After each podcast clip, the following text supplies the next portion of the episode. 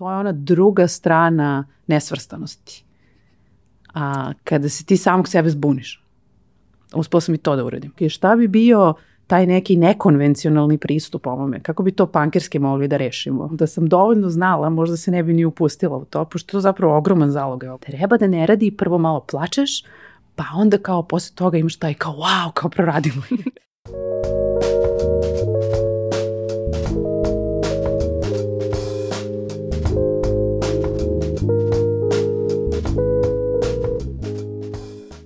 Upoznala sam je pre skoro 10 godina, kao osnivačicu tehnološkog startapa. Pa sam potom saznala da je završila svetsku književnost i radila u marketinškoj agenciji. A onda sam bila na njenim radionicama prodanih prezentacija. Pored toga, Katarina Popović se već godinama bavi medijskom umetnošću i pravi interaktivne instalacije. Sve to dovelo ju je do pokretanja radionica kreativne elektronike za devojčice. I to je misionarski poduhvat. Mnogo različitih, a zapravo bliskih, poslovnih, tek i umetničkih puteva povezuju jedno, punk kao način razmišljanja u karijernim i životnim odlukama. Ja sam Aleksandra Petrovski, a vi pratite Fusnota podcast. Katarina, zdravo, dobrodošla. Zdravo, bolje te našla, mnogo mi je drago što sam ovde. Meni takođe. Nas dve smo se upoznale pa bimo skoro 10 godina i ti si tad bila osnivačica jednog tehnološkog startapa, što za to vreme je bilo još manje uobičajeno nego što je uh, sada. A, I otkud studentkinja svetske književnosti u tako nečemu? Oj, da, to ja, ja nisam znala da je to neobično kad sam to radila. Da tebe niko ni rekao to, Niko da? mi to nije rekao, da. Uh, ja sam u stvari postala female founder kada sam napravila startup. A pre toga sam radila u advertisingu. Ove, ja sam u suštini pisac, to mi je prvi neki poziv. I a, radila sam u kreativnim timovima u advertisingu i nikad se nisam bavila tim pitanjima da li moj pol ima neke veze sa time što ja radim, a onda se desio ovaj startup Data Made i ja sam postala female founder, odnosno postala sam osnivačica. E sad kako se to desilo, pa uh, ono s polja gledano to zvuči čudno, zar ne? Ali ovaj, iznutra gledano to je meni bilo jako prirodno. U tom trenutku, znači pričamo o nekoj a, 2011. 12 um, ono, digitalne, digitalni mediji su postali onako dosta popularni i sve popularniji i klasičan advertising je polako padao u senku i ove, ovaj, mene jako interesovalo da vidim šta tu može da se radi. Ja sam to prvo gledala iz ugla advertisinga, a onda kada sam napravila a, Data Made, počela sam to da gledam iz ugla digitalnog proizvoda. Tako da je to bio takav neki transfer. Ja sam prestala da radim u agenciji i ove, ovaj, počela da gradim startup. Kako si se e, pozicionirala u tim krugovima, kako je s polja izgledalo, kao što kažeš, da kao tebi to bilo nekako prirodni tok ili ostalo, kako, je, kako su drugi pogledi bili na tebe? Um, pa ne sećam se da sam se uopšte time bavila. Takođe moram da ti priznam, jer nisam, mislim da nisam imala vremena za to. Bilo je dosta posla to, da. Bilo je to dosta posla uh, i bilo je super što nisam krenula ni odakle, nego sam krenula sa, sa Startup Akademije. Da. Tako da mi je startup bila prva zajednica i tamo je sve to bilo ono kao dobar dan. Jednom si se našao među ljudima kojima je to sve potpuno ovi, prirodno i normalno i čuli smo puno ljudi. Imali smo akademiju i čuli smo puno ljudi koji su različite biznise pokretali i, i negde smo saznali šta znači startup, šta znači pitch, šta uopšte znači taj uh, ceo svet, kako to izgleda, kako to treba da izgleda. Tako da tu je, ja mislim da je tu odgovor na to pitanje. Zapravo tu nije bilo mnogo, a, mnogo nekog čuđenja. E sad, kad se izađe iz tog kokun, a, tu sam videla da a, female founders imaju nekakve ove, ovaj, druge poglede koje dobijaju od, naročito od investitora i što se tiče poverenja i količine novca i nekakvih odnosa u odnosu na muške foundere. Da. E, to je u tom trenutku, kad pričamo pred nekih deseta godina, e, bila jedna prilično mala zajednica koja se sasvim dobro razumeli i dosta delili iskustvo što je bilo dragoceno za, za sve yes. koji su e, njen deo. Sada je čitava ta scena mnogo razuđenija nekako i, i, i šira i već je postao nekako, bar i moj utisak mainstream a, malo. E, hajde samo nam a, objasni kako izgledao taj digitalni proizvod, važno mi je za neki dalji deo priče. E, digitalni proizvod je u stvari bilo kao um, Facebook Stories pre nego što su Facebook Stories postojale. To je neka 2013. bila. E, to je bila kombinacija uh, svih medija, znači teksta, audija, videa i fotografije koje su slagani u jedan, uh, u jedan niz kao lateralni scroll i jedna zanimljiva anegdota je bila da su mi pričali da a, taj lateralni scroll i da će ljudi držati telefon uspravno, to niko neće da koristi. To su mi rekli ovaj, te godine, što je bilo presmešno. Kada si izlagala pred... Da. Tako je, ne samo to, nego i u, u mentorskim nekim mm. razgovorima, kao to se jednostavno neće desiti, a pogledajte sad šta se dešava. Da. Uh, to je zapravo bilo to, što je bio ogroman zalogaj. Ja, to je ono, um, to je ono kad imaš sreće što ne znaš dovoljno mogu to tako da kažem, da sam dovoljno znala, možda se ne bi ni upustila u to, pošto je to zapravo ogroman zalogaj, ogroman zalogaj za backend, ogroman zalogaj za frontend, ogroman zalogaj za zaštitu podataka. Znači to je bilo toliko posla, ali to je bio zapravo jedan divan posao, jer sam kroz to, to je kao jedan mali master da završiš. E, kako sada gledaš na to? Zato sam te pitala upravo da nekako objasniš ljudima, jer to je ono što, što je danas nama uobičajeno. Mm -hmm. e, I taj startup više ne, ne postoji. Sad, kako sada gledaš na to kao, kao e, zašto nisam ne znam, istrajala ili kao nisam tada bila shvaćena ili kako posmatraš danas? Um, nemam ni trunku žaljenja da budem iskrena s tobom. Uh, mi imamo internu foru, da kažemo mi smo imali dva developera, a Facebook ih ima 2000 i kao to je ta mala razlika koja ovaj, kada pogledaš iznutra koliko tu posla ima, zapravo pravi nešto da bude i smooth i lako za korišćenje i naravno količina korisnika je brža adopcija samog da. proizvoda. E, nemam nikakvo žaljenje zato što je ogromano iskustvo. Znači sve posle toga je zbog toga, aj tako da kažemo. Mislim, nije samo zbog toga, ali dobrim delom je zbog toga. Nekako te to malo izgradi kao, kao preduzetnicu odnosno izgraditi i kao čoveka i kao nekoga koji gleda na biznis na jedan drugi način. A, a treća stvar koja možda je još interesantnija, to je jedna zapravo mnogo stara umetnička težnja čoveka da stvarnost prenese na, na nekakav umetnički format onakvu kakva jeste. Ne znam da li si čuo za Džigu Vertova. Ne. Ove, on je pokušavao da snimi film kao život to su bili beskreno dugi filmovi bez montaže, možda zamisliš kako to izgleda. Kao neki podcast i danas, dobro. Kao neki podcast i danas. Ali e, tu je, to je u stvari neka vrsta ideala koji nikad ne umire, on se sva, sva, sa svakim novim medijumom ponovo javlja i to radi i TikTok i to rade i oni različiti novi proizvodi što kao ja te uslikam i istog sekunda to se negde Bio, pojavi da neko tako, dalje, tako da. da neko komentariše, ali to je ta zapravo ljudska težnja da, da i u tom smislu ona je nekakav ideal koji, ono, you take a shot at it, znači probaš ga i ako se desi, desi se, ako se ne desi, ok, idemo dalje, mislim ima još stvari da se proba. E, da zaokružimo samo o, mm -hmm. ovu tvoju startup priču, um, kako si se, bez obzira što ti nisi videla unutar problem, ali sada uh, žene, osnivačice startupa i tako dalje imaju sad generalno, uglavnom kada vode timove umeju često to da imaju kao uspostavljanje autoriteta. A, vi ste jedno vreme bile tako u, u Sofiji, yes. ako se ne na akceleratoru yes. a, i slično. Pa ste opet tamo nekako praktično to je kao bootcamp na neki način, mislim, ne, ne ovaj, izdvojeni negde gde koje sad treba samo da se fokusiramo, dobili smo neku investiciju um, i slično. Uh, i, I to je prilično onako dosta stresa, napeto je sve i tako dalje. Kako je to iz tvojih cipala izgledalo? Um, pa stresno, to je najbolji opis. Um, bio je opet nekakav novi zaloga i znam da mi je jedno od najvećih uh, strahova bilo da li ću dobro da razumem ugovore.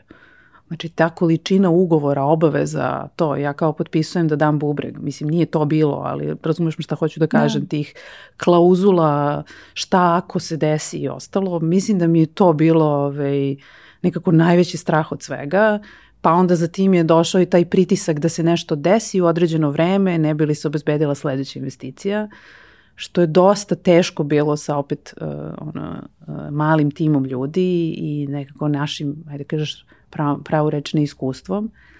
Ali, na primer, uh, iz toga ja se sada dosta bavim ovaj, advokatisanjem toga da startup founderi što pre pričaju sa advokatima. Odnosno da se što pre familiarizuju sa ugovorima, procentima, šta je dobar ugovor za tebe, Da. šta nije dobar ugovor za tebe. Na primjer, taj ugovor nije bio dobar za nas. Ovaj, mi to u tom trenutku nismo znali jer nam je to tada trebalo, ali u suštini stvari taj ugovor nije dobar bio za nas, što smo kasnije saznali od nekih drugih iskusnijih investitora. Ali okej, opet, uh, opet da se vratim na to, ono, probaš pa naučiš. Kako si pustila to? Teško. Ove, to je bilo isto jedno učenje da ono, tvoj startup nisi ti.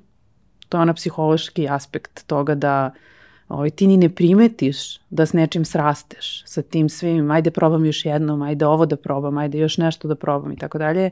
Mislim da je prošlo tri godine pre nego što smo se dogovorili da, da, ovaj, da, da zatvorimo vrata. I dosta mi je to teško palo. Mislim da sam se lečila, ove, ona ono kao lečeni, lečeni founder, taj fazon. ove, lečila sam se od tog nekog, eh, mislim, pošto ti to shvatiš kao razočaranje u stvari, što zapravo nije tačno. Kad se osvrneš unazad, shvatiš da to je neki subjektivni doživljaj. Ali mislim da mi je trebalo sve do pre recimo dve godine. Sam bila vrlo obazriva da, ove, da ulazim u nekakve to kao jao kako je super, ajmo brzo da ne znam stvorimo nešto pa da uh, više sam bila fazonu ok, ja ću, ja ću lifestyle biznis ako može za sada pa ćemo da vidimo kasnije. A, ali paralelno sa time ti si radila i, i, i neke druge poslove. Kao da, š, I sad, koliko je to teško da žongliraš? Ako je žongliranje prava reč. Pa jeste. A, jeste, žongliranje je super reč. Um, oni su, pa da, bili su rađeni iz moranja, zato što smo u jednom trenutku ove, ostali bez para. Nije ono, neki ljudi to mogu, uh, tako da ne mogu da kažem nemojte to da radite ili radite to. U mom slučaju je to u suštini bila najava kraja, jer ovaj, to sam i, ono, i, ka, i sad vidim kada ja mentorišem startupe, uvijek ih savjetujem da više vremena, koliko god mogu vremena posvete tome nečemu što je jedno, da se ne račvaju na dve strane ili tri ako je ikako moguće. E sad, naravno, dešava se da ako si u sličnim, uh, u sličnim industrijama, na primjer, imaš uh, agenciju koju, u, u kojoj builduješ, na primjer, web sajtove praviš ili tako nešto i iz toga praviš nekakav digitalni proizvod i praviš aplikacije pa i može jedno drug da pozajemljuje, to mi se čini da može lakše da funkcioniše nego nešto što je skroz raznorodno kao što je ono, tehnološki proizvod i nešto što je potpuno drugo. Ove, tako da je to bilo neko ono snalaženje, ali ove, da, ne bi ga, ne bi ga, ove, ne bi ga svrstala kao nešto što treba raditi. Da, i, i paralelno, otprilike nekako paralelno sa tim, mada ne u, ne u tom intenzitetu, a, ti vodiš jednu umetničku karijeru, Da. hajde, tako da kažem, karijeru možemo. Da. A, tako da kažem, kako sad to izgleda? E, da, to je krenulo 2010. Hvala ti na pitanju. E, krenulo je 2010. i da se vratim na ono tvoje prvo, prvo pitanje, šta će svetska književnost u tehnologiji. A, i, ja sam shvatila a, kada sam otkrila interaktivnu umetnost da je to zapravo način izražavanja koji mene najviše interesuje. I mislim da sada kada pogledamo nazad, da je to zapravo a, srž svega što se kasnije dešavalo. E, jer e, kada radiš, ti dolaziš iz storytellinga, s tobom ovo mogu da podelim, sve ćeš me razumeti šta hoću da kažem.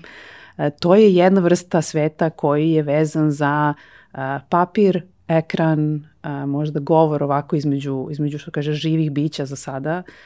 E, I e, često se dešava da on bude i jednosmeran, može da bude i monolog. Ti odeš na recimo izložbu i ti fotografija gledate, ti gledaš fotografiju i tumačiš ili sliku ili bilo šta što je dvodimenzionalno i Tu se završava praktično, da. ti možeš kasnije da imaš nekako mišljenje o tome ili ne, ali tu dijalog u suštini nije pravi. Kada imaš interaktivnu ovaj, postavku, u tebi se u suštini završava umetničko delo. Sa tobom ono postaje to što jeste. I ti ulaziš u dijalog. I to je za mene bilo, ja ne mogu da ti objasnim, znači to je kao da sam otkrila ono, eureka nivo, znači to je to, iskočila sam iz kade jer kao shvatila sam šta se desi, to je kao eureka. Um, I od, od tada u stvari kreće i moja ta zaluđenost tehnologijom. Tako da mislim da su te dve paralelne stvari, znači taj odlazak od advertisinga, početak bavljanja interaktivnom umetnošću, pošto sam počela da izlažem ovaj, interaktivne instalacije 2010. Odmah zatim se desio i startup. Tako da mislim su te dve ljubavi nekako zajedno. Ovaj, Ajde, zajedno hodi, objasni mi da. baš taj prvi trenutak koji je bio Eureka. Mm -hmm. kako si šta je to bilo definitivno što, u, sa čim si došla u kontakt mm -hmm. gdje si rekla to je to, kao ovo, ovo, je, ovo je ta eureka, kao to mi je otvorilo oči. Ajde. To je bio jedan od posljednjih projekata koji smo radili u agenciji SVA u kojoj sam ja tada radila. Radili smo ovaj, kampanju za borbu protiv droge, to je bila nacionalna kampanja i uh, stupili smo u kontakt s jednom produkcijnom kućom Galerijom 12 koji su se baš bavili interaktivnim, ovaj, različitim interaktivnim stvarima. I dan danas imaju ceo sprat u Dubaju. Da. Tako je, dan danas se bave još zanimljivim stvarima. Uh, I krenuli smo da pričamo o nečemu što će klincima od 13 do 15 godina, što po istraživanjima pokazivalo da tada se kreće eksperimentisanje sa drogama, što će njima da bude zanimljivije od onoga što već postoji.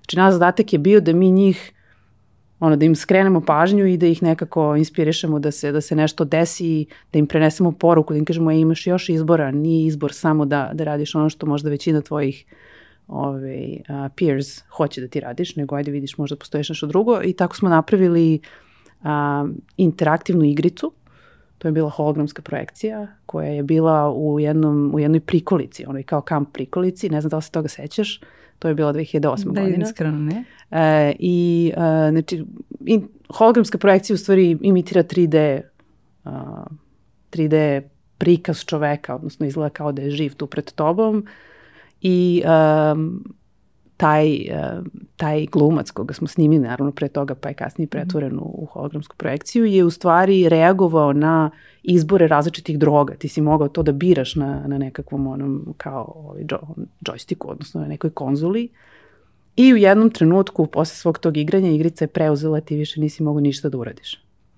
Drugim rečima, o, ta igrica se... Easter egg, otprilike. Ovaj, taj, ta igrica se ponašala identično kao neko ko bi sa određene vrste droga, na primjer, prešao u heroin i prestao da ima izbora više. Što i jeste negde bila naša poruka, da je igranje, počnemo se igramo, zezamo se ovo ono i u nekom trenutku to više nije zezanje. Uzmi maha, nal, da. da. To uzmi maha i kao, to je bilo onako dosta ovaj, realistično, bilo onako dosta sirovo i surovo, ali s druge strane je bilo fascinantno tehnološki i fascinantno za doživeti. To vreme, Tako da. Tako je. I, ove, I to je trebao da bude projekat od, no, recimo dva meseca, međutim to je postao projekat od dve godine i ove, taj, ta prikolica je počela da putuje po Srbiji, bila je u sedam gradova i mi smo imali nešto, 70.000 ljudi na, na Facebooku u grupi, a, napravili smo recimo a, naše ambasadore koji su nosili bedževe ne, To je bila kao poruka kampanje tvoje ne menja sve, odnosno mm tvoje ne ima težinu, to što smo pričale pre, ove, ovaj, što je jako važno za mlade ljude da, da shvate da mogu da kažu ne, čak i onim ljudima od kojih, kojih žele dobiju podršku.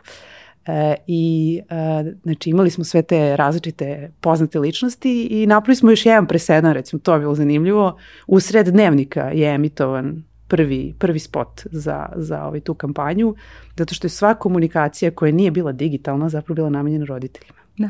I onda smo pričali sa roditeljima, poruka je bila pričajte sa, sa vašom decom, ovaj, to smo kreativno obradili, a za klince je baš bilo ovo da ajde igrajte se, da vidite kako to može da izgleda i zašto možda se ne, i ne treba igrati u krajnjoj liniji ovaj, s tim stvarima. Ali taj projekat je bio ono nekako turning point što se mene tiče u otkrivanju nečega što je ovaj, što je kasnije ovaj, postalo mislim, manje me je zapravo interesovala komercijalna strana mhm. svega toga, mnogo me više interesovala ova humanistička strana i konkretno u mom slučaju me zanimala umetnička strana. Tako da sam, ovaj, ja sam posle toga, a, ne znam koliko je prošlo godina, možda dve, tri godine, ali moja recimo prva instalacija je bila interaktivna voda. To je na matematički model vode koji može da pokrećeš glasom. I to, je, to sam izložila na mikseru u, ovaj, u silosima, što je bilo jako, jako interesantno da. jer je ovaj, interakcija s radom i u stvari uh, ona uh, antička priča kao ako, mo, ako bi mogao glasom da pokrećeš vodu,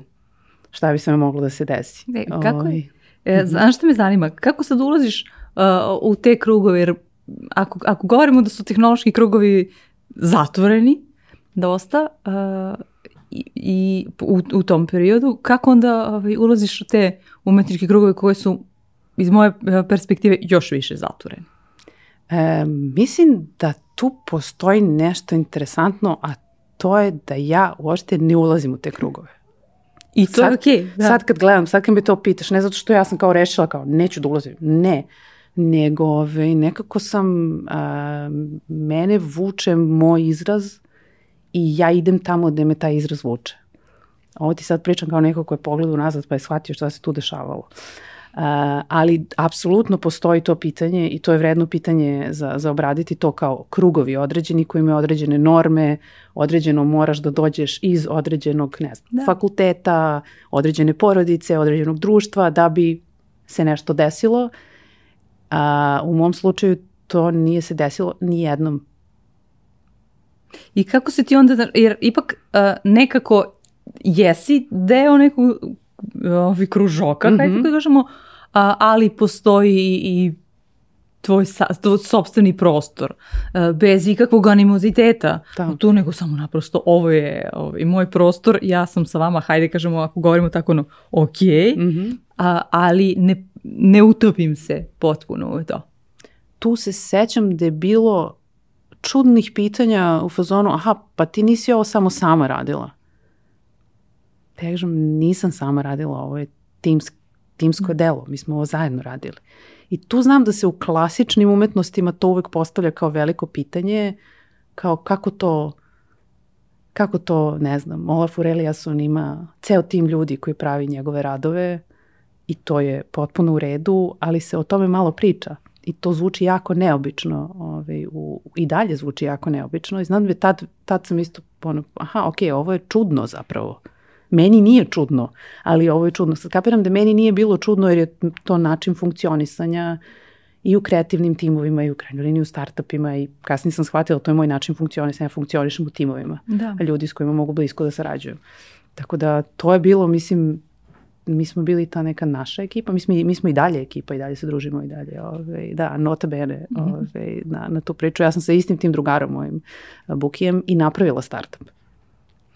Kako izgleda ta sad moment ovaj, da, da si ti neko ko je, da kažem, šef, uh mhm. -huh. a, da dolazi iz prijateljstva i da treba da se zadržite s jedne strane prijateljski odnos, s druge strane poslovni, to, to, ta, to treba da se uradi. Da. I ono, kao zna se ko je, čija je posljednja na neki način, da. bez obzira što postoje kao ono dogovore i slično. E, tu se desilo nešto strava, ovaj, pošto da je moj drugar mnogo voli ugovore. I meni nije bilo jasno zašto on voli ugovor. Pa fazonu šta ti je? Ono, kao, kao 100 godina smrtaci, da. Ne, ne, potpišemo mi ugovor. I nagovori on mene da mi potpišemo ugovor. I to je bila ono single most important stvar koja da. se desila nama. Jer u nekom trenutku je njega život odveo na potpuno drugu stranu i on je rešio da izađe iz startupa i to je bio neki trenutak kada smo mi mogli da podignemo neke dosta zanimljive novce i on je tad rešio da izađe, što je bilo onako ne znam kako bih ti rekla, teško na više nivoa, međutim imali smo ugovor i taj ugovor je sve rešio. Ono, Vi bilo ste se već prethodno dogovorili, sad nema više nekako tako emocija i strasti u tom trenutku tako koje je, tako je. I zapravo time, da. to je ono, to je opet savet za kad, kad gradiš nešto s prijateljima, potpiši ugovor. To je ono, da. bukvalno da. Tad trezne gla, glave nekako razmišljaš o nečemu, da. Tako je, tako da smo mi sada kumovi. Znači mi smo se potpuno, ovaj, potpuno je sve u redu. Da. Doduše nemamo kumovski ugovor, ali... Razmišlja kako bi to izgledalo, pa pitaj ga, možda da predloži čovjek pa da javno iznesemo šta sad. Ako je da. već bio ovako dobar u ovome, što da ne. Da. Skroz je okej. Okay. Uh, ti dalje nastavljaš da, da, da izloži sed. Ono što, što uh, hoću da poentiram, uh, ako ostanemo nekim silosima, mm -hmm. uh, ne možemo da unesemo ništa novo zapravo, pa čak ni, ni u svoj rad. I u, u toliko je um, tvoj rad nekako bio malo drugačiji nego, hajde ako govorimo sada uh, o, o umetnicima, nego njihovi jer si okupila tim, uh, ne moraš ti da znaš sve najbolje, uh, neko drugi je bolje znao tim, međutim ti si umeđu vremenu i naučila da kodiraš. ne tako dobro kao ovaj, drug, ali... tako je.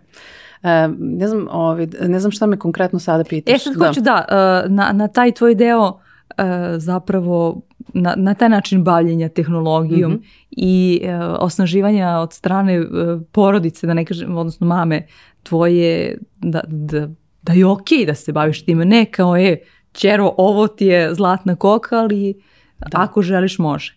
Ovi, ovo, me, ovo me vraća na ovo što si me pitala kako ti sa ove tačke u onu tačku, pa u onu tačku, pa kako ćemo to sa ekipama koje su u tim određenim tačkama. Mislim da je užasno važna moja mama u celoj ovoj priči, jer ove, ona je, uh, ona je uh, doktorantkinja i radila je u Vinči ceo život, radila nekim jako modernim keramikama za visoke temperature. I ja sam kao mala učila na pamet uh, ovaj, njen naslov doktorskog rada, koji dan danas znam.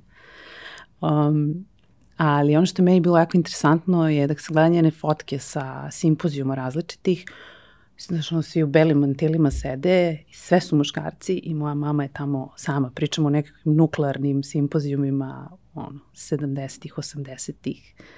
I ovaj, gledajući nju, ona nikad se nije nešto Potresla zbog toga. Da, nešto tu nije, nismo imali nikakav, nikada to neko pitanje tog tipa. I ono što je meni bilo interesantno je da za nju prirodne nauke, na primjer matematika, hemija, fizika, su totalno igranje.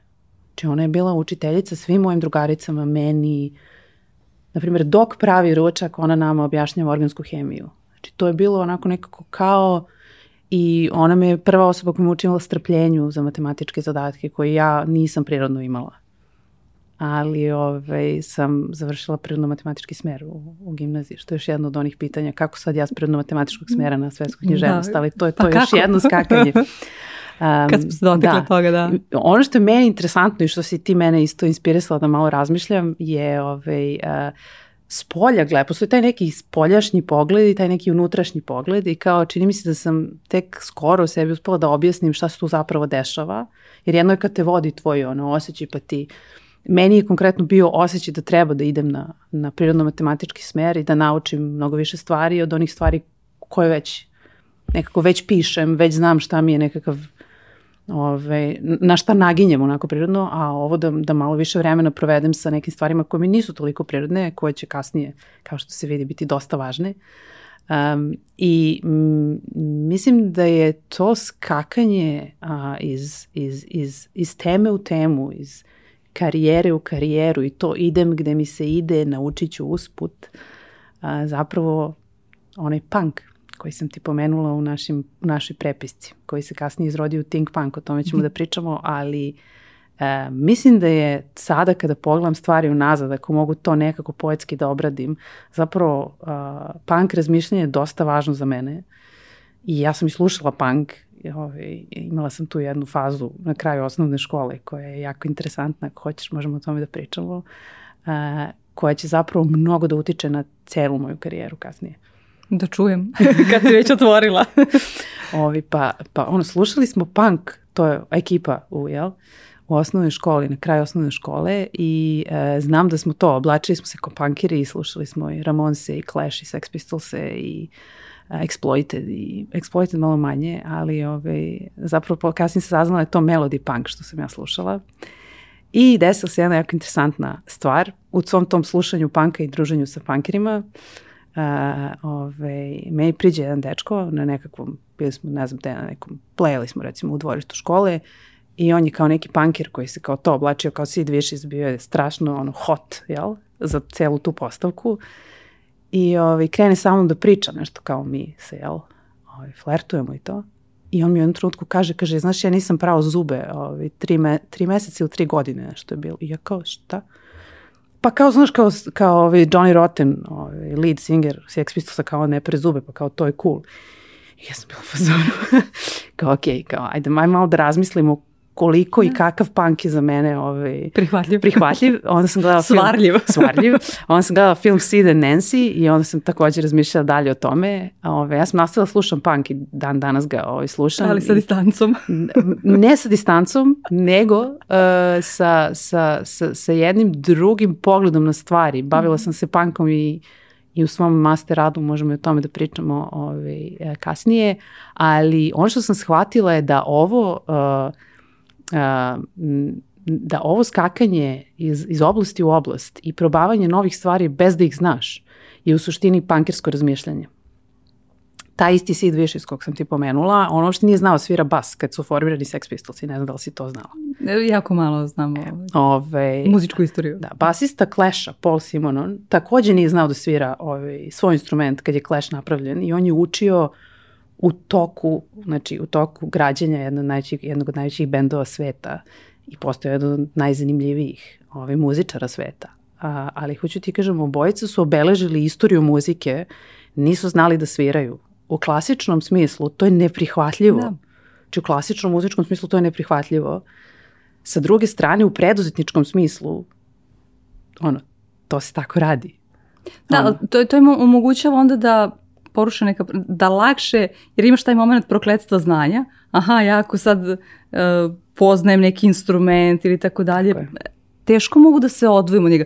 Bez da. ikakve da. sada namere da, bar s moje strane, protežiram ono koje batalite, ono, muzičke škole, bilo šta na koji način da učite i tako dalje, ali dobrobit ovoga je da te onda pušta nekako da malo napraviš svoj, svoj pogled na to, odnosno pa svoj izraz. Da, da, da, da, ono, da nekako to rušenje, rušenje uh, standarda S tim što ja bih tu stavila jednu važnu zadršku, ovo što si pomenula. Znači to da mi sad treba da srušimo sve što, što je izgrađeno. I da, da se a priori loše Tako po sebi. Ne pričamo o totalnoj da? anarhiji. Mm -hmm. Znači to je ona, ona bi, to bi bila ona druga krajnost ovaj panka. Da. Ne pričamo o totalnoj anarhiji, pričamo o jednoj vrlo potrebnoj i korisnoj disrapciji, odnosno kako bi to preveli lepo na srpski, uznemiravanju. Da. Ovaj, Baš glupo zvuči u, u, u kontekstu tom da. kome ti kažeš, da. tako da ja znači, ostavljam. Znači uznemiravanju status da. quo Ajde malo da uznemirimo. Prodrma, prodrmavanju, uh tako je. Uh, da uznemirimo to zato što se tu rađaju jako interesantne stvari. Uh, punk je, ako mene pitaš, jedna od najvažnijih kulturoloških, ne samo muzičkih, nego i kulturoloških stvari koja se desila svetu. Um, punk je doneo u prvi plan, na primjer, DIY, znači do it yourself, uradi mm. sam, koncept je tu procveta. Od odeće preko frizura, frizura muzike, ono, možemo da pričamo u nedogled o tome. Punk je takođe izbacio žene u prvi plan. Blondi, naravno, sećaš se, ove, takođe devojka Stramerova imala svoj bend, ove, punkirski. A, žene, ženska seksualnost u prvom planu, ženski izraz, uopšte da one se to bave muzikom i da onda Vivian Westwood koja je skoro preminula, da. koja je bila apsolutni ovi, ne znam kako to da nazovem, kraljica. Kreator punk ikona, hajde da Tako kažem. Je, ona je zapravo sa, sa onim svojim butikom i sa, ove, sa svojim partnerom zapravo mnogo, mnogo učinila da to postane jako vidljivo i da zapravo pređe u, u, u nekakvu, ne, mislim, nažalost, sve što pređe u mainstream kulturu se sa, svari i sažvaće, ali je ove, ovaj, učinilo dosta da to ove, ovaj, postane deo nekakvog established izraza, ajde tako da kažem. Tako da punk je užasno važan ovaj, kada, u mom slučaju kada se obradi na jedan način. Ja, ja ga sad ono nekako i svesno koristim u svojim poslovnim odlukama. Uvijek se pitam, ok, šta bi bio taj neki nekonvencionalni pristup ovome, kako bi to pankerski mogli da rešimo, neki problem na koji najđem ili ove, nekakve ideje koje imam da vidim, kako mogu da ih uh, upotrebim na, na taj neki nekonvencionalni način. Uh, ima knjiga jedna koju sam htela da podelim, koja je meni bila jako važna, ja sam pročitala u osnovnoj školi i evo sad sam sva sreća je našla pre nego što sam ovaj, počela razgovor, ima se kupi na kupindu. Um, zove se potpuno uvredljivo negiranje klasike. To je akronim panka, to je jedan hrvatski ovaj, novinar uh, je pisao tu knjigu. Znam da je ta knjiga meni bila ono jako bitna da sam je pročitala u, u osmom osnovne i nisam je nikad zaboravila, sad ću da je kupim. Ovaj, hvala ti što si me, ovaj, što si me ponukala da, da, da, da je pronađem.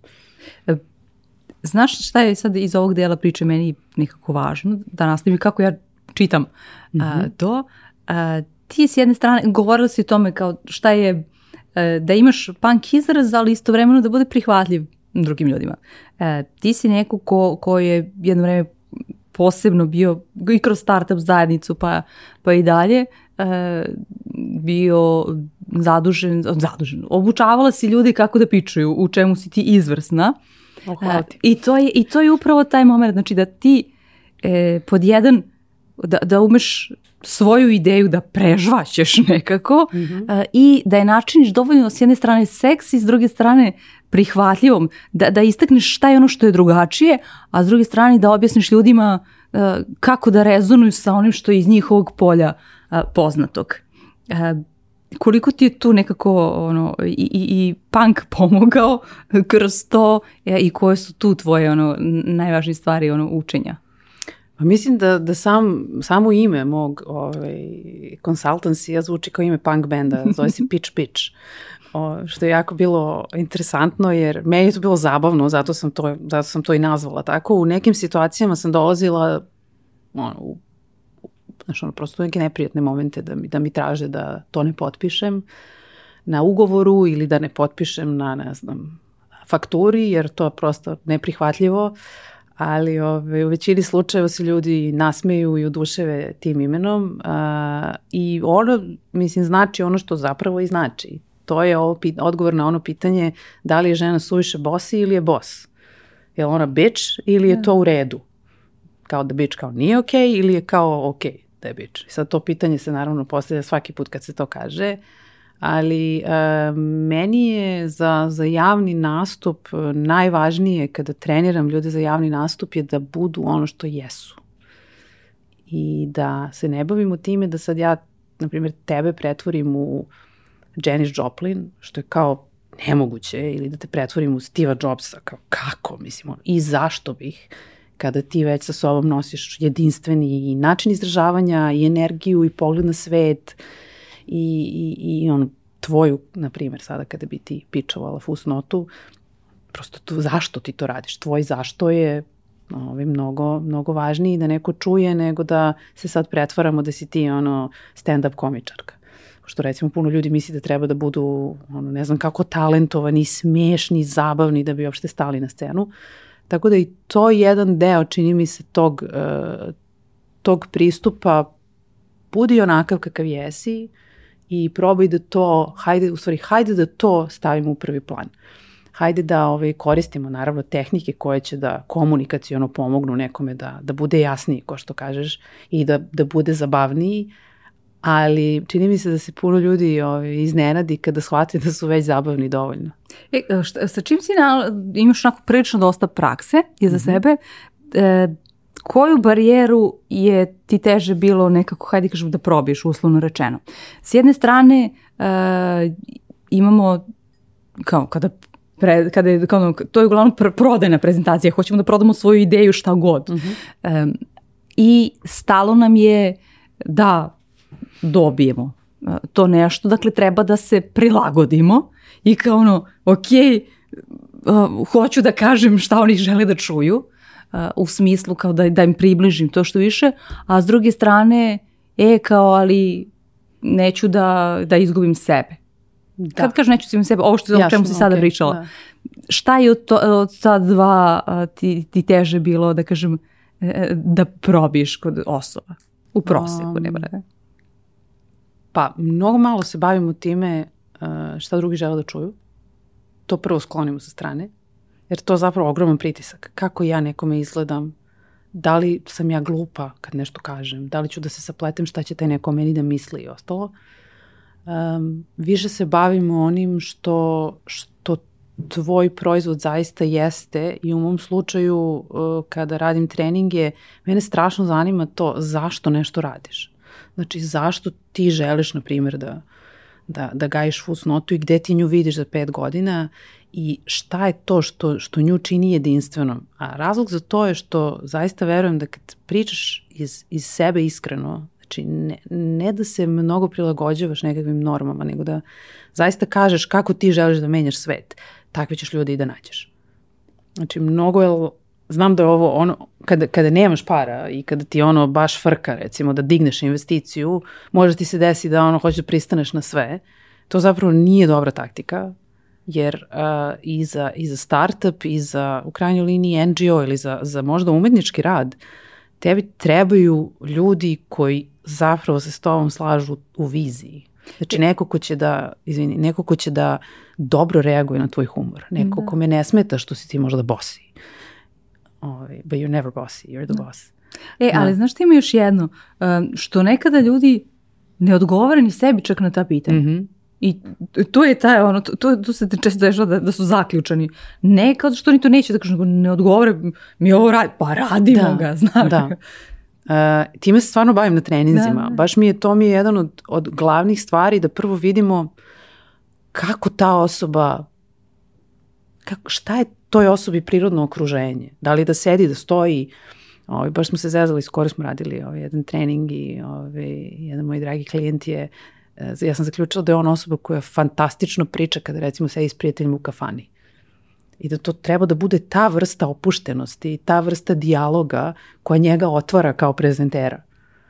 E sad, ja sam drugačija, ti si drugačija, ajde da vidimo šta bi tu, ovaj, i onda kad se postave ta pitanja, ovaj, onda se otvori čovek i možemo da pričamo dalje na primjer o tome, ovaj, to je nešto recimo fenomenalno, to sam naučila od Dragane Đermanović, ona nam je bila ovaj, a, mentorka baš na Startup Akademiji, to je da ako nešto dobro radiš i ako veruješ u to, imaš obavezu, znači, obavezu, odnosno neku vrstu misije da to podeliš sa svetom, jer ćeš svet da učiniš boljim mestom.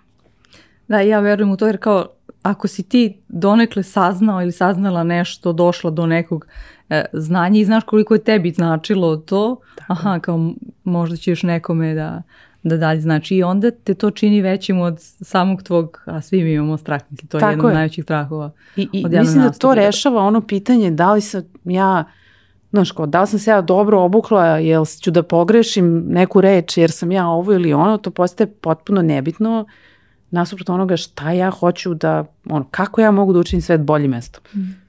E, I kako ti hoćeš da učiniš svet boljim mestom? Super si mi dala šlagvert. Šlagvert. Tako je, da.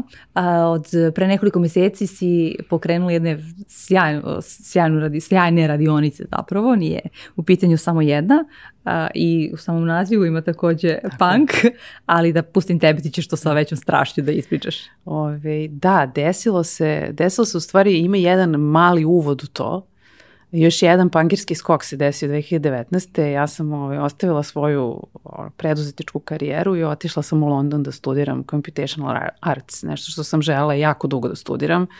Pritom ti u, u tom trenutku imaš koliko godina? 39, da. Ove, što mislim da je super da se čuje. Da, naravno, zato da. što kao nekako obično u, u tim godinama kad da. se približavamo 40. otpišemo uh, sebe, sebe kada je da. pitanju formalno obrazovanje. Učimo da. nešto, ali redko kada Tako se upuštamo ovako I, nešto. Ovaj, da, da, taj ono, idem ja tamo gde me vodi ovaj, moj izraz, dođe opet na, na dođe, na, na, dođe opet na scenu i otišla sam na Goldsmiths u Londonu i završila sam computational arts i naučila sam da kodiram, to je bilo jako meni važno. Napravila sam prve korake da, da, da, da prosto počnem da, da uviđam kako izgleda programersko razmišljanje i šta se tu zapravo dešava. Posle toliko godina obitavanja u tom Tako svetu. Tako je, posle toliko godina neke vrste saradnje sa, sa, sa programerima i tu sam se u stvari zaljubila u elektroniku.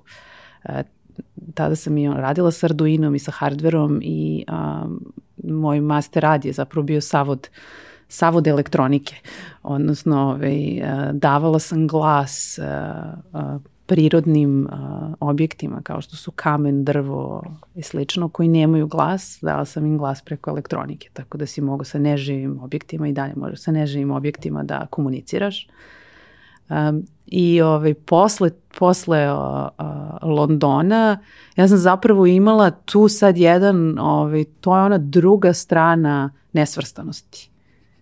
A kada se ti samog sebe zbuniš, uspela sam i to da uradim a, da kao čekaj šta sam ja, sam ja sad, ja sad idem skroz tamo ili idem skroz, se vraćam nazad, šta se tu dešava? I ovaj, trebalo bi malo vremena da, da saberem sve te utiske ovaj, različitih tog obrazovanja i opcija. I ovaj, a, pošto sam se umeđu vremenu bavila preko, baš preko Pitch Pitch, bavila sam se a, saradnjom sa udruženjem poslovnih žena i sa UN Women i sa kreativnim mentorstvom i baš sam mentorisala devojke i devojčice uh, za javni nastup i za biznis ideje i to pričamo dovoljno, dovoljno rano. Uh, su, ove, su potpuno fantastične. To su neke stvari koje su nezaboravne kako, kako zvuče devojčice kojima se da vetar u leđa. I kaže im se potpuno u redu da i da imaš svoje ideje da ih ove, javno kažeš i da ih realizuješ. I onda su se nekako te dve stvari pre a, šest meseci onako u nekakvom clashu spojile i tako je nastao Think Punk, ovaj radionic, kreativne radionice elektronike za devojke.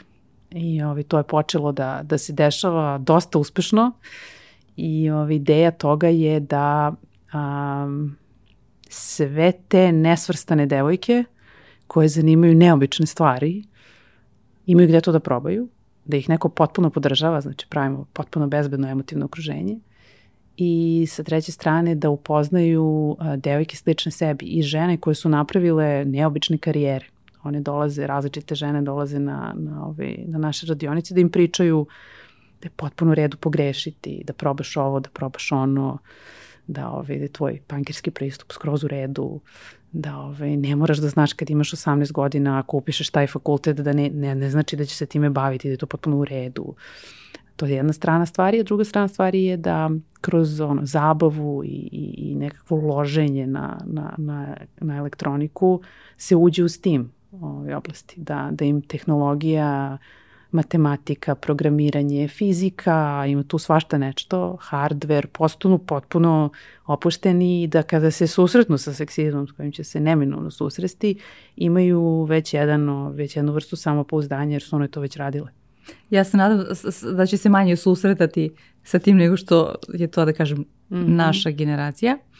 A, I ono što je, što je meni u, u toj priči nekako ovaj, bitno e, da, da spomenemo je, ja mislim nekako, u, čitala sam, pošto je nekoliko, pre nekoliko dana je bio Međunarodni dan žena u nauci a, i dobra je vest da u Srbiji više od 50% pogotovo na, moram da naglasim pogotovo na rukovodećim mm -hmm. pozicijama žena. Na naučnim projektima Tako jest. je, tako je, da i to je super vest jer kao da, možda su one ovako brojnije, e, ali je bitno e, zbog tih nekih narednih mm -hmm. žena, odnosno sada devojčica koja će izrasti um, u žene da vide da, mislim da je recimo 57%, ali svakog je preko 50, nije, nije sad. Mislim da je tačno 57, Tako objavila je, da. je ovaj, baš je uh, žena koja vodi fond za nauku, je, Tako Milica je, je objavila da. na LinkedInu, ja sam baš pročitala ovaj, to. Da. Što je, što je sjajan postrek e, za mhm. njih jer treba da se nađu na, na mestu gde se donose odluke. Tako Mogu je. da budu ili bosi ili bosi, to, to, to za mene nije već nekako previše e, bitno kako god da ih neko mm -hmm. a, ovaj, tumači i, etiketira važno kako one sebe e, tu vide. Šta je tebi e, najsnažniji utisak e, do sadašnjih radionica? I gde, mm. posle ću te pitati gde vidiš sebe za pet godina, tako da paralelno razmišljaj. Okay. Mislim u uh, Najsnažniji utisak je da uh, uh, dragi nerdovi, znači ja sam isto bila nerd, um, i gikete počele su se druže. Znači one su upoznale devojke slične sebi.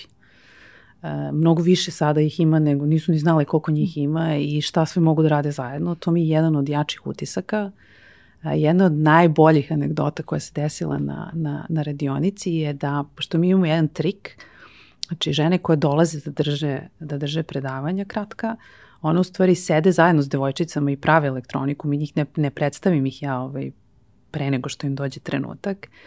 I ovaj, baš je uh, Irina iz Microsofta, ovaj, iz eksternih komunikacija bila jedna od, jedna od predavačica i ona je došla, sela je sa tim devojčicama, one su zajedno ovaj, nešto pravile i znam da kad sam ja predstavila, ovaj, rekla sam ovo Irina Nišević, ona je iz Microsofta, iz eksternih komunikacija, znam da jedna dev, devojčica sam skočila, rekla šta? nije mogla da, nije mogla da veruje da je ona jedna mm. od njih. E, što je, da kažem. Da, meni je nekako to bitno uh, iz tog uh, izaziranja prema autoritetima. Mm -hmm. Što ne znači, što, što je različito od poštovanja. Tako. Ali kao, ovaj, ok, ne mora na taj način da se stvara autoritet. Taj horizontalni mm. autoritet je nešto što mene zanima kroz celu da. karijeru. Odnosno da ti kada uđeš u prostoriju, uh, tvoja energija, tvoje reči, tvoj način na koji komuniciraš uh, ko, ajde da kažemo, poručuje da li si ti lider. autoritet ili tako, ne, da. ili nisi. I uglavnom takvim liderima i liderkama se uh, lakše veruje i sad možemo tu da otvorimo pitanje bosi ili ne bih uopšte otvarala to pitanje jer meni je interesantno da uvek sam dobro odreagovala na prirodni autoritet da. i uvek sam loše odreagovala na neko ko mi se nameće veštački. Jer to je samo jedan pik u stvari trenutka. Tako je. Ovaj, nema, nema dugoročnog odnosa. Tako je, nema, Tako nema da. ovaj, a, i, i sad, znači ne pričamo o tome da sad ti možda budeš apsolutni prijatelj sa nekim ko ti je šef, što uopšte nije, ne, nije cilj ovoga svega. Da, da. Ali cilj ovoga jeste da te devojčice razumeju da su im to buduće partnerke u izboru karijere. Znači da mogu da pričaju sa mnom, sa tobom, sa bilo kim iz, iz naših iz naših kompanija partnera, s nama su i super klasteri, ovi partneri, Decenter kompanija koja nas ovaj, od prvog trenutka, oni su baš teka kompanija u, u blockchainu. Znači sa bilo kim koji ima kakav god ono naziv u svom opisu posla, da ti možeš s tim nekim da razgovaraš. Znači da možeš da priđeš da pitaš, da ono, da se ponašaš nekako opušteno i da je u redu da ti manje znaš od tog nekog, slobodno pitaj. Potpuno je to se to mislim da je još jedan važan aspekt koji se dešava na radionicama. Imali smo situaciju da je jedna devojčica koja je došla na, na, na, na radionicu elektronike meni posle pisala i rekla mi je jao, sada je deadline kao za prijavljivanje za a, mislim da je škola za, za učenje veštačke inteligencije i mašinskog učenja malo duža je škola i malo je ozbiljnije ovaj, tehnološka kao ja bih da se prijavim, kao može da mi napišeš preporuku. Da, divno. Ja sam bila u fazonu, e, zbog ovoga mi postojimo. Znači da, da, da, da, da te ja, ono, da ti prvo kažem da to postoji, odnosno da saznaš to na radionici i onda da ono pitaš za, za, za pomoć. Pošto se mi između ostalog bavimo ispajanjem mentorki i devojaka koji imaju različita pitanja. Sad imam, on, bukvalno to mi na to-do listi, imam pet devojčica koji imaju nisu sve devojčice, neke su i devojke već na fakultetima, koji imaju pitanje oko toga, na primjer, da li ja želim da se bavim grafičkim dizajnom ili želim da se bavim UX-om. Ja kažem, ok, ajde te spojimo sa nekim, da vidimo, ovaj, probaš jedno, probaš drugo, pa vidiš šta, šta od toga, ovaj, šta ti toga više vuče. Da, i... nakon iskustva da, da odlučiš. Da, zapravo. Da. E sad, preskočili smo jedan deo, nekako mm -hmm. je lep je za ovu priču. Uh, posle, posle Londona, ne znam li si odmah otišla u Ameriku ili si se vratila? Mm, Ove, otišla sam u Tursku. Tamo sam imala jednu divnu umetničku rezidenciju. Da, da, da. Ovaj, ovaj, ali hoću da kažem, životno se pre, mhm, preselila mm -hmm. u Ameriku. U Ameriku, da. tako je. A, neću da kažem zbog, zbog ljubavi, jer možemo to tako, pa, da? apsolutno je zbog okay, ljubavi da. se to desilo, nije ni zbog čega drugog. Kaži slobodno, ja sam pro, ja sam pro love. ok, dobro. A, I onda si se e, vratila praktično kada se rodio sin ili pre toga? Neposredno, tamo se šest meseci je vlada imao kad smo se vratile. Da, i vratili, vratili ste se onda mm -hmm. zapravo svo troje sada a, u Beograd.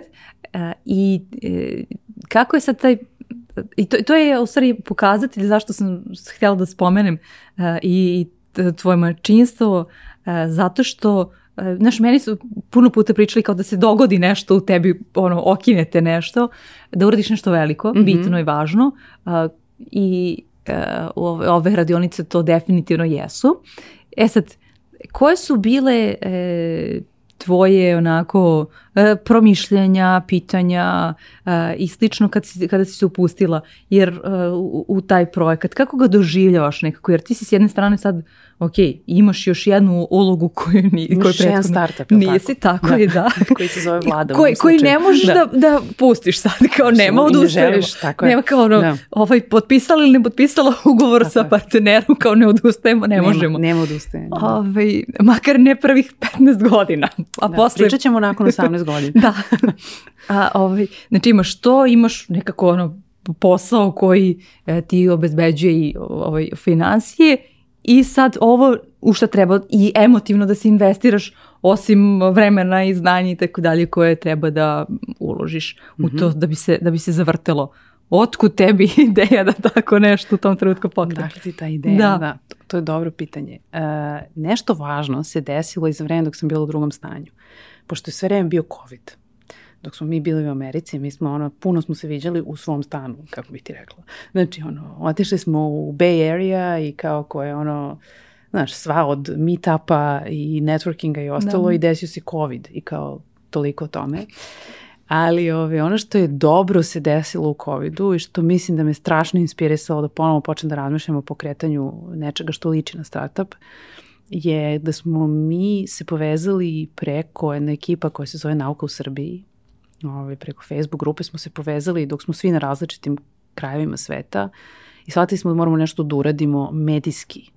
A, ne bili se borili protiv a, lažnih vesti i teorija zavere, jer kao to više nije bilo zezanje, znači ono se radilo se o zdravlju ljudi, u, ne. mislim na celom svetu, a mi smo se fokusirali na Srbiju i malo na region, ali više na Srbiju i napravili smo nezavisnu naučnu publikaciju Nauka u Srbiji koja i dalje postoji na medijumu i koja je bez ikakvih, sve, pošto smo sve radili pro bono, i ovaj, došle do nekih 200.000 ljudi. To je nama bila jedna od najlepših i najvažnijih stvari što smo radili za vreme COVID-a. I prenosili su je mediji, da kažemo, da, klasični. Tako je, da. imali smo partnerstva i sa, sa BBC-em i sa Danasom i sa ovaj, N1 i uh, uveli smo nešto interesantno što nadam se da će da u nekom trenutku opet zaživi, uh, a to je da se o nauci priča uh, na, ovaj, na što opušteniji, narodski, ja to kažem kao, na, kao narodni lekar da govoriš. Znači da može svako da te razume, ali da budeš vrlo, vrlo potkovan. Uh, Poštuješ činjenice zapravo. Tako je, ja. i da navedeš te činjenice da ako neko hoće da pročita, da može da pročita. Jer sad postoji tu cela problematika kako je nauka dospela u nemio položaj ovaj, zbog određenih partnerstava sa određenim kompanijama, opet određenih naučnih istraživanja, pa je sad cela nauka, mislim tu sad je, znaš već koliko je ovaj, u medijima si sve ti je jasno, ali ovo nam je bilo jako važno da, da, da zapravo objasnimo ljudima ponovo i ponovo kako funkcionišu vakcine, šta su RNK vakcine, kako je uopšte došlo do njih, Znaš, da to nije juče izmišljeno, da iza toga stoje desetine godina rada, samo sada su došle na, što kaže, neko istraživao to jako, jako dugo, da. pa su sada ovaj, došle da je to zapravo istraživanje koje se i dalje vodi vezano za personalizovane lekove protiv raka, Znači, to su neke ozbiljno fantastične stvari koje medicina ovaj, i farmacija rade i da, ovaj, da naravno dođemo do ljudi do kojih može da se dođe, pošto neki ljudi ne može da se dođe.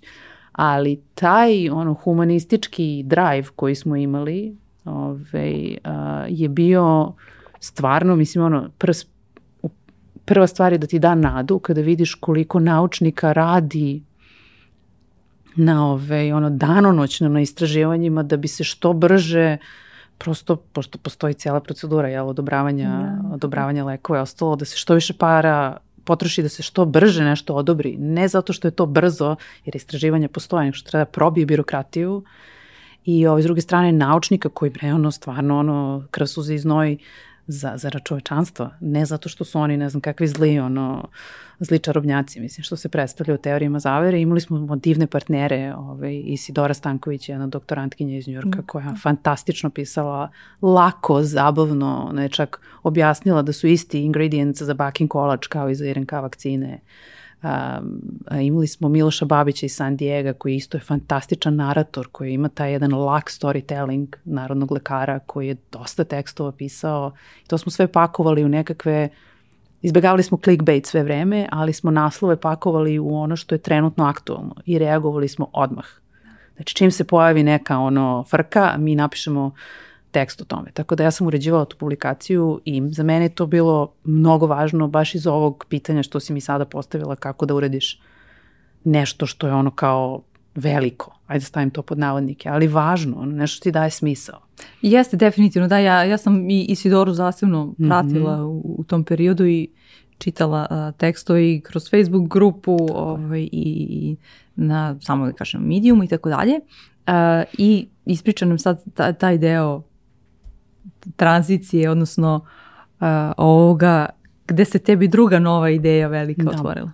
Uh, na krilima mislim, ove. da, da je u, u istom tom nekom uh, ne znam kako bih to rekla, da je to sličan manir ili nije manir, da li se to desilo slučajno ili nije, ali muž i ja smo otišli na jednu konferenciju u, u Minneapolis koja se zove IO i baš se bavi ovaj, um, baš modernim tehnologijama, ali više iz, baš iz perspektive umetnosti i tehnologije, što je nešto što je za mene naj, najlepši spoj.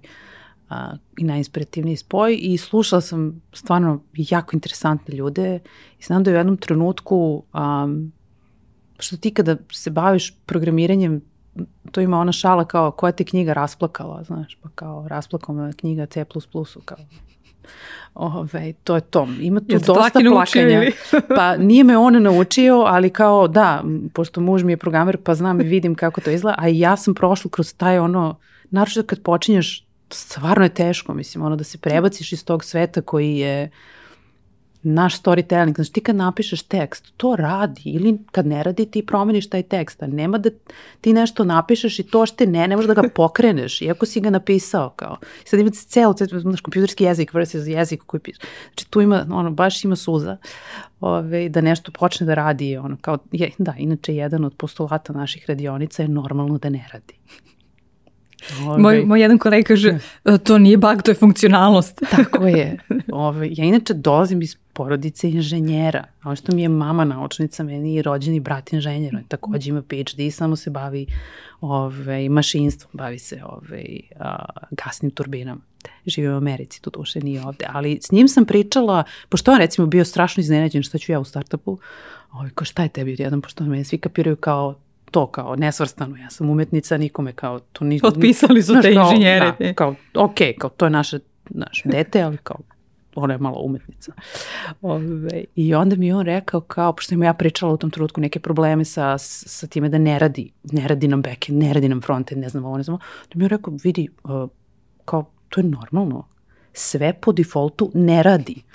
Tvoj zadatak kao inženjera ili programera je da to proradi što sam ja shvatila da je potpuno drugačije od našeg sveta storytellinga. Mm. Jer Ti poličiš toga da to radi posao. Ne? Tako je, mi pravimo nešto, mi to sve ono demiurg, mi to napravimo da radi, kao nema da ne radi, kao možda se nekom ne sviđa, ali kao da ne radi, znaš, i onda to isto taj šok, kao aha, ok, znači treba da ne radi i prvo malo plačeš, pa onda kao posle toga imaš taj kao wow, kao proradimo.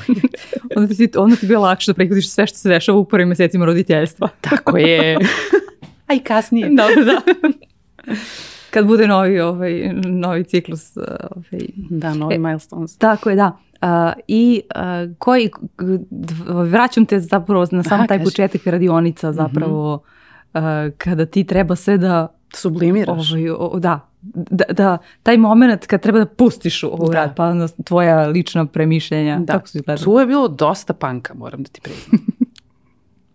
Ti si meni postavila jedno pitanje šta je, šta je najvažnija, to si mi postavila u prepisci, mislim da je to užasno bitno pitanje kao jedna najvažnijih stvari ovaj, koju, koju, vred, koju vredneš kod sebe ili kako to želiš stvari. A to je kreativnost. Sad, kreativnost je strašno izlizana reč.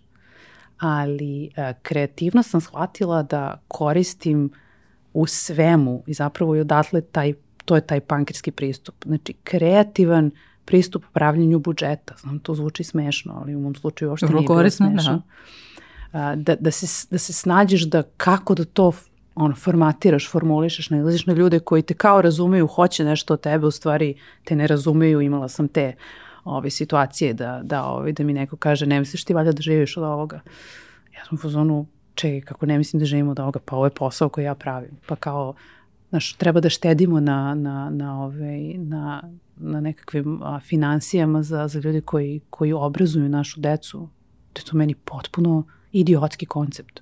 Ja zapravo mislim da treba da, ono, to mi je, nadam se i sledeći, ono, stvara se napravi fond za, ovaj, za profesore i profesorke koji, pošto sam imala prilike da upoznam fantastične profesore i profesorke koji ono svu svoju energiju ulažu da, da naša deca u srednjim školama dobiju što više modernog obrazovanja, kao da, želim njima da ono, da, da, da, da ih ono platimo kako treba, da ih inspirišemo, da im damo alate, da tako da sam prošla kroz jedan taj ono, mislim da je to bio to probijanje nekakvih uh, kako bih to nazvala uvreženih, uh, pogrešnih razmišljanja. Često si čula da kao u medijima i u obrazovanju nema para, znaš, te, ja sam često to slušala kad sam imala startup, ali čak i ti nisi u ovome da bi napravili ne znam kakve pare, ni bitno, ali to, ta neka vrsta fair kompenzacije i neka vrsta podrške finansijske za ljude koji menjaju bre živote ono, našim klincima. Znam da mi je to isto bila jedan, jedan od jakih drajvova da kao čekaj, pa ova, to je ono, ekstra edukacija, znači to neko ko ekstra radi posao još jedan. Da, da, da to treba, da ne možemo sad kao samo ti nalepimo, eto ti radiš u školi, pa evo ti nakačimo još malo ono, da, da, mm. ovaj, što je, obično se tako dešava. Tako da sam ja u stvari shvatila da u tom trenutku moram da da malo probijem te neke uvrežene predrasude, ajde to tako nazovem, i da, da, da ono, da, da, da deci damo obrazovanje koje je ono koje je dovoljno zabavno, a dovoljno moderno i mislim za to zaista ono je potreban budžet i potpuno je u redu i kao vredno je da ono da se potroši na to. Kako ti sad to posmatraš, spomenula si negde, ali hajde sad da podvučemo mm -hmm. to. Kako sad posmatraš ovo, dakle, kao tvoj novi startup, kao tvoj budući zalog za fond, kako ti željaš? Fond je jedna od novih ideja koje sam skoro stavila na papir, ali ove, ovaj, ovo za sada je, ja ga, ono, doživljam ga dosta kao svoj novi startup, ali ne bi da ga labelujem, ove, ovaj, da se ne vraćam, znaš, na one, da, okay. one traume iz, iz Možemo da pričamo o tome. ok, a, to sam da, htjela da, da, dakle, da li naprosto kao je, uh, ovo je nešto što ja tako raduckam da, sa strane. Ja ga gledam ja. kao kreiranje vrednosti. Uh mhm. -huh. Znači, to je kreiranje nekakve nove vrednosti i gledam ga kao kreiranje novog pogleda na edukaciju.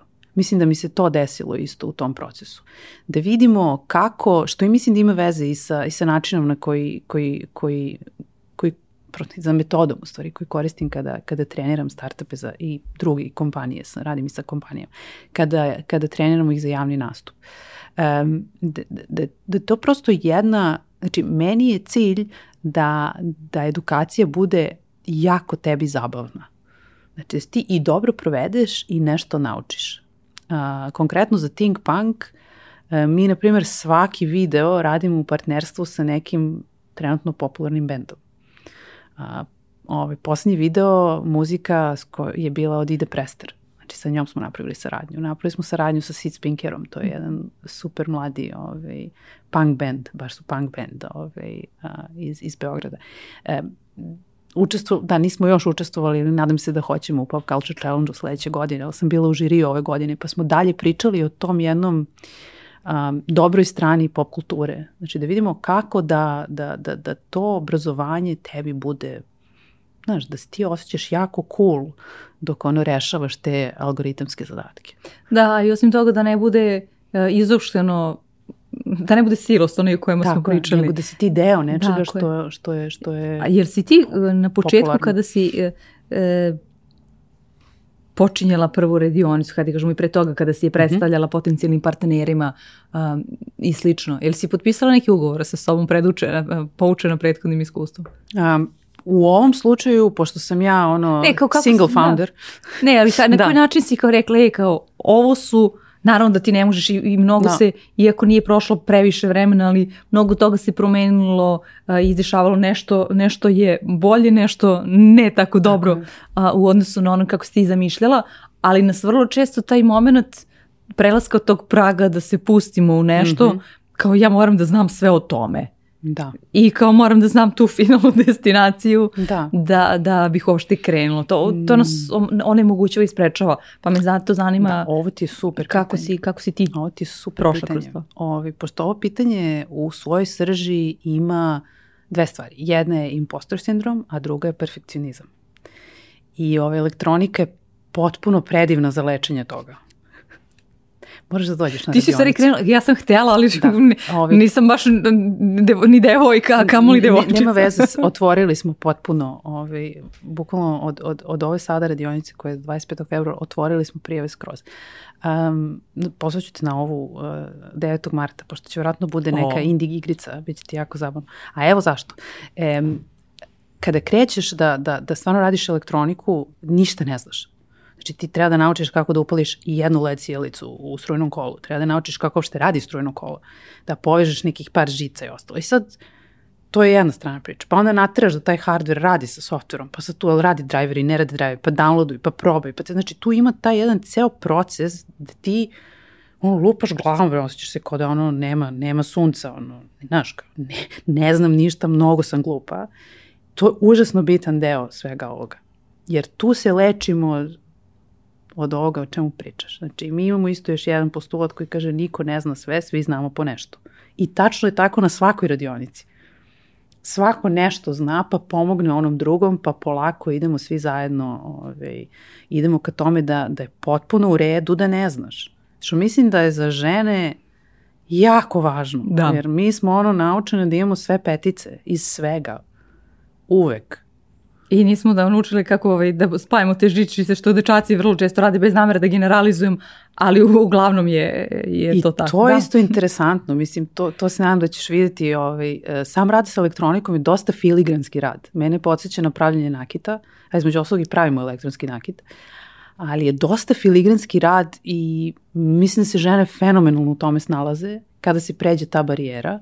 Što je interesantno, što si pomenula a, da je a, da je, da je zapravo onaj, mislim da je to posle 60. godina, imamo sharp decline, znači imamo ozbiljan pad u broju žena u, u Steamu. Zato što je predstavljen kao igra za dečake, hajde tako da kažemo uprošteno. Znači, jedan, on, rađeno istraživanje i pronađeno je da je zapravo ovaj, to bio jedan od razloga da su personalni kompjuteri, znači kad su izašli iz velikih, ono, kad su prestali da budu velike mašine i postali personalni računari, Uh, marketing je odradio tako, marketing je određen tako da su to maš, ono, igračke za dečake i njihove očeve. I za, to... za, za one koji ne znaju kako to izgleda, mogu da odu u muzej nauke i tehnike da pogledaju. Da? E, odličan savjet. da. Jer uh, ti onda imaš situaciju da dečaci se igraju igrice sa svojim ta tatama, jel? I sa svojom ekipom drugih dečaka i oni znaju da možda na sastave računa rastave, već im je sve to poznato, a devojčice to ne rade. I sad zamisli oni dođu zajedno da upišu computer science. Ovi već ono, jel, op, na svom polju, da. manje više na svom polju i zapravo to je početak tek broja ekipe i to je početak tih ružnih šala kao žene ne znaju s tehnologijom i ostalo. U stvari je pitanje jednog, jedne polaznične tačke koja je zapravo pad pozicija za žene. I to je isto jedan od razloga zašto ovo radimo. Ja hoću da se one naviknu na alate. Da. Da je potpuno u redu, držiš lemilicu, da znaš da ono zašrafiš nešto, da to, znaš, uđeš u, ja se to zovem babina garaža. Mi bi se u suštini pravimo babinu garažu. Da, ovaj, da, da je potpuno, mislim, pošto kao, što ne bi, mislim, ono, što ne bi što ne bi to znala, mislim, što bi to zapravo bilo uopšte određeno za određeni pol. To je jedna ono, o, ogromna tema Jest. koja zaslužuje razgovor za sebe. Apsolutno. Ali, ali nadam se da nećemo u stvari budućnosti i kad tome idemo, da nećemo pričati o tome na ovakav način, ali još uvijek treba još da pričamo. Pre nego, da. što, pre nego što ti postavim dva posljednja pitanja, um, u ovoj epizodi poklanjamo knjigu duboki rad, ima nekako i dotiče se uh, mm -hmm. ovoga svega što smo mi uh, sada pričali, dakle znate već, ostavite komentar ispod ovog YouTube videa ukoliko želite da osvojite uh, ovu knjigu. Uh, poslednje, predposlednje zapravo mm -hmm. pitanje, načela si ga negde u toku ovog razgovora, uh, bez kog znanja ili veštine ti danas ne bi bila ova Katarina sa kojom razgovaram? Da, to je ovo što, što sam načela, tako je, razmišljala sam o tome i to je zapravo, mislim da je ajde da podelim to. Jedno je kreativnost, definitivno. Ona ide uz sve. Ona, ja mislim da ona ne uništiva. Eto, to je ovaj, zapravo moje mišljenje o kreativnosti. Jer a, rigidnost i ovaj, nekakva, ono, nekako slepilo koje je ono što se zove fahidiot, a, mislim te ružna reč, ali ono opisuje da. tu jednu vrstu slepila, a, te zapravo blokira a, a kreativnost te ono čini dosta žilavim i fleksibilnim. I u svakim situacijama. Na primjer to kako da kreativnije pre, priđeš ovaj, budžetiranju. Budžetiranju, apsolutno. Kako da kreativnije pregovaraš kad te neko satera u ćošak. Kako da se kako da uopšte u nekoj situaciji koja, ovaj, koja tebe ono, zahteva nova znanja, kako da se, da, da budeš kao riba u vodi, kako da se nekako što brže, kako da bolje vigluješ, ne znam kako to da objasnim bolje, kako da, da, kako da se bolje krećeš kroz ne samo loše, nego i, i jako dobre stvari. I uh, ono što sam primetila je da, da, da, da ti kreativnost takođe uh, daje uh, jednu vrstu rezilijentnosti, ajde da je tako nazovem. Mislim da mi je to jako, jako mi je drago što sam to shvatila sada. A ovaj, veština, odnosno ne izvini znanje, pošto ovo ću da stavim među veštine, a ovaj, znanje za mene konkretno mislim da je važno što sam završila prirodno-matematički smer.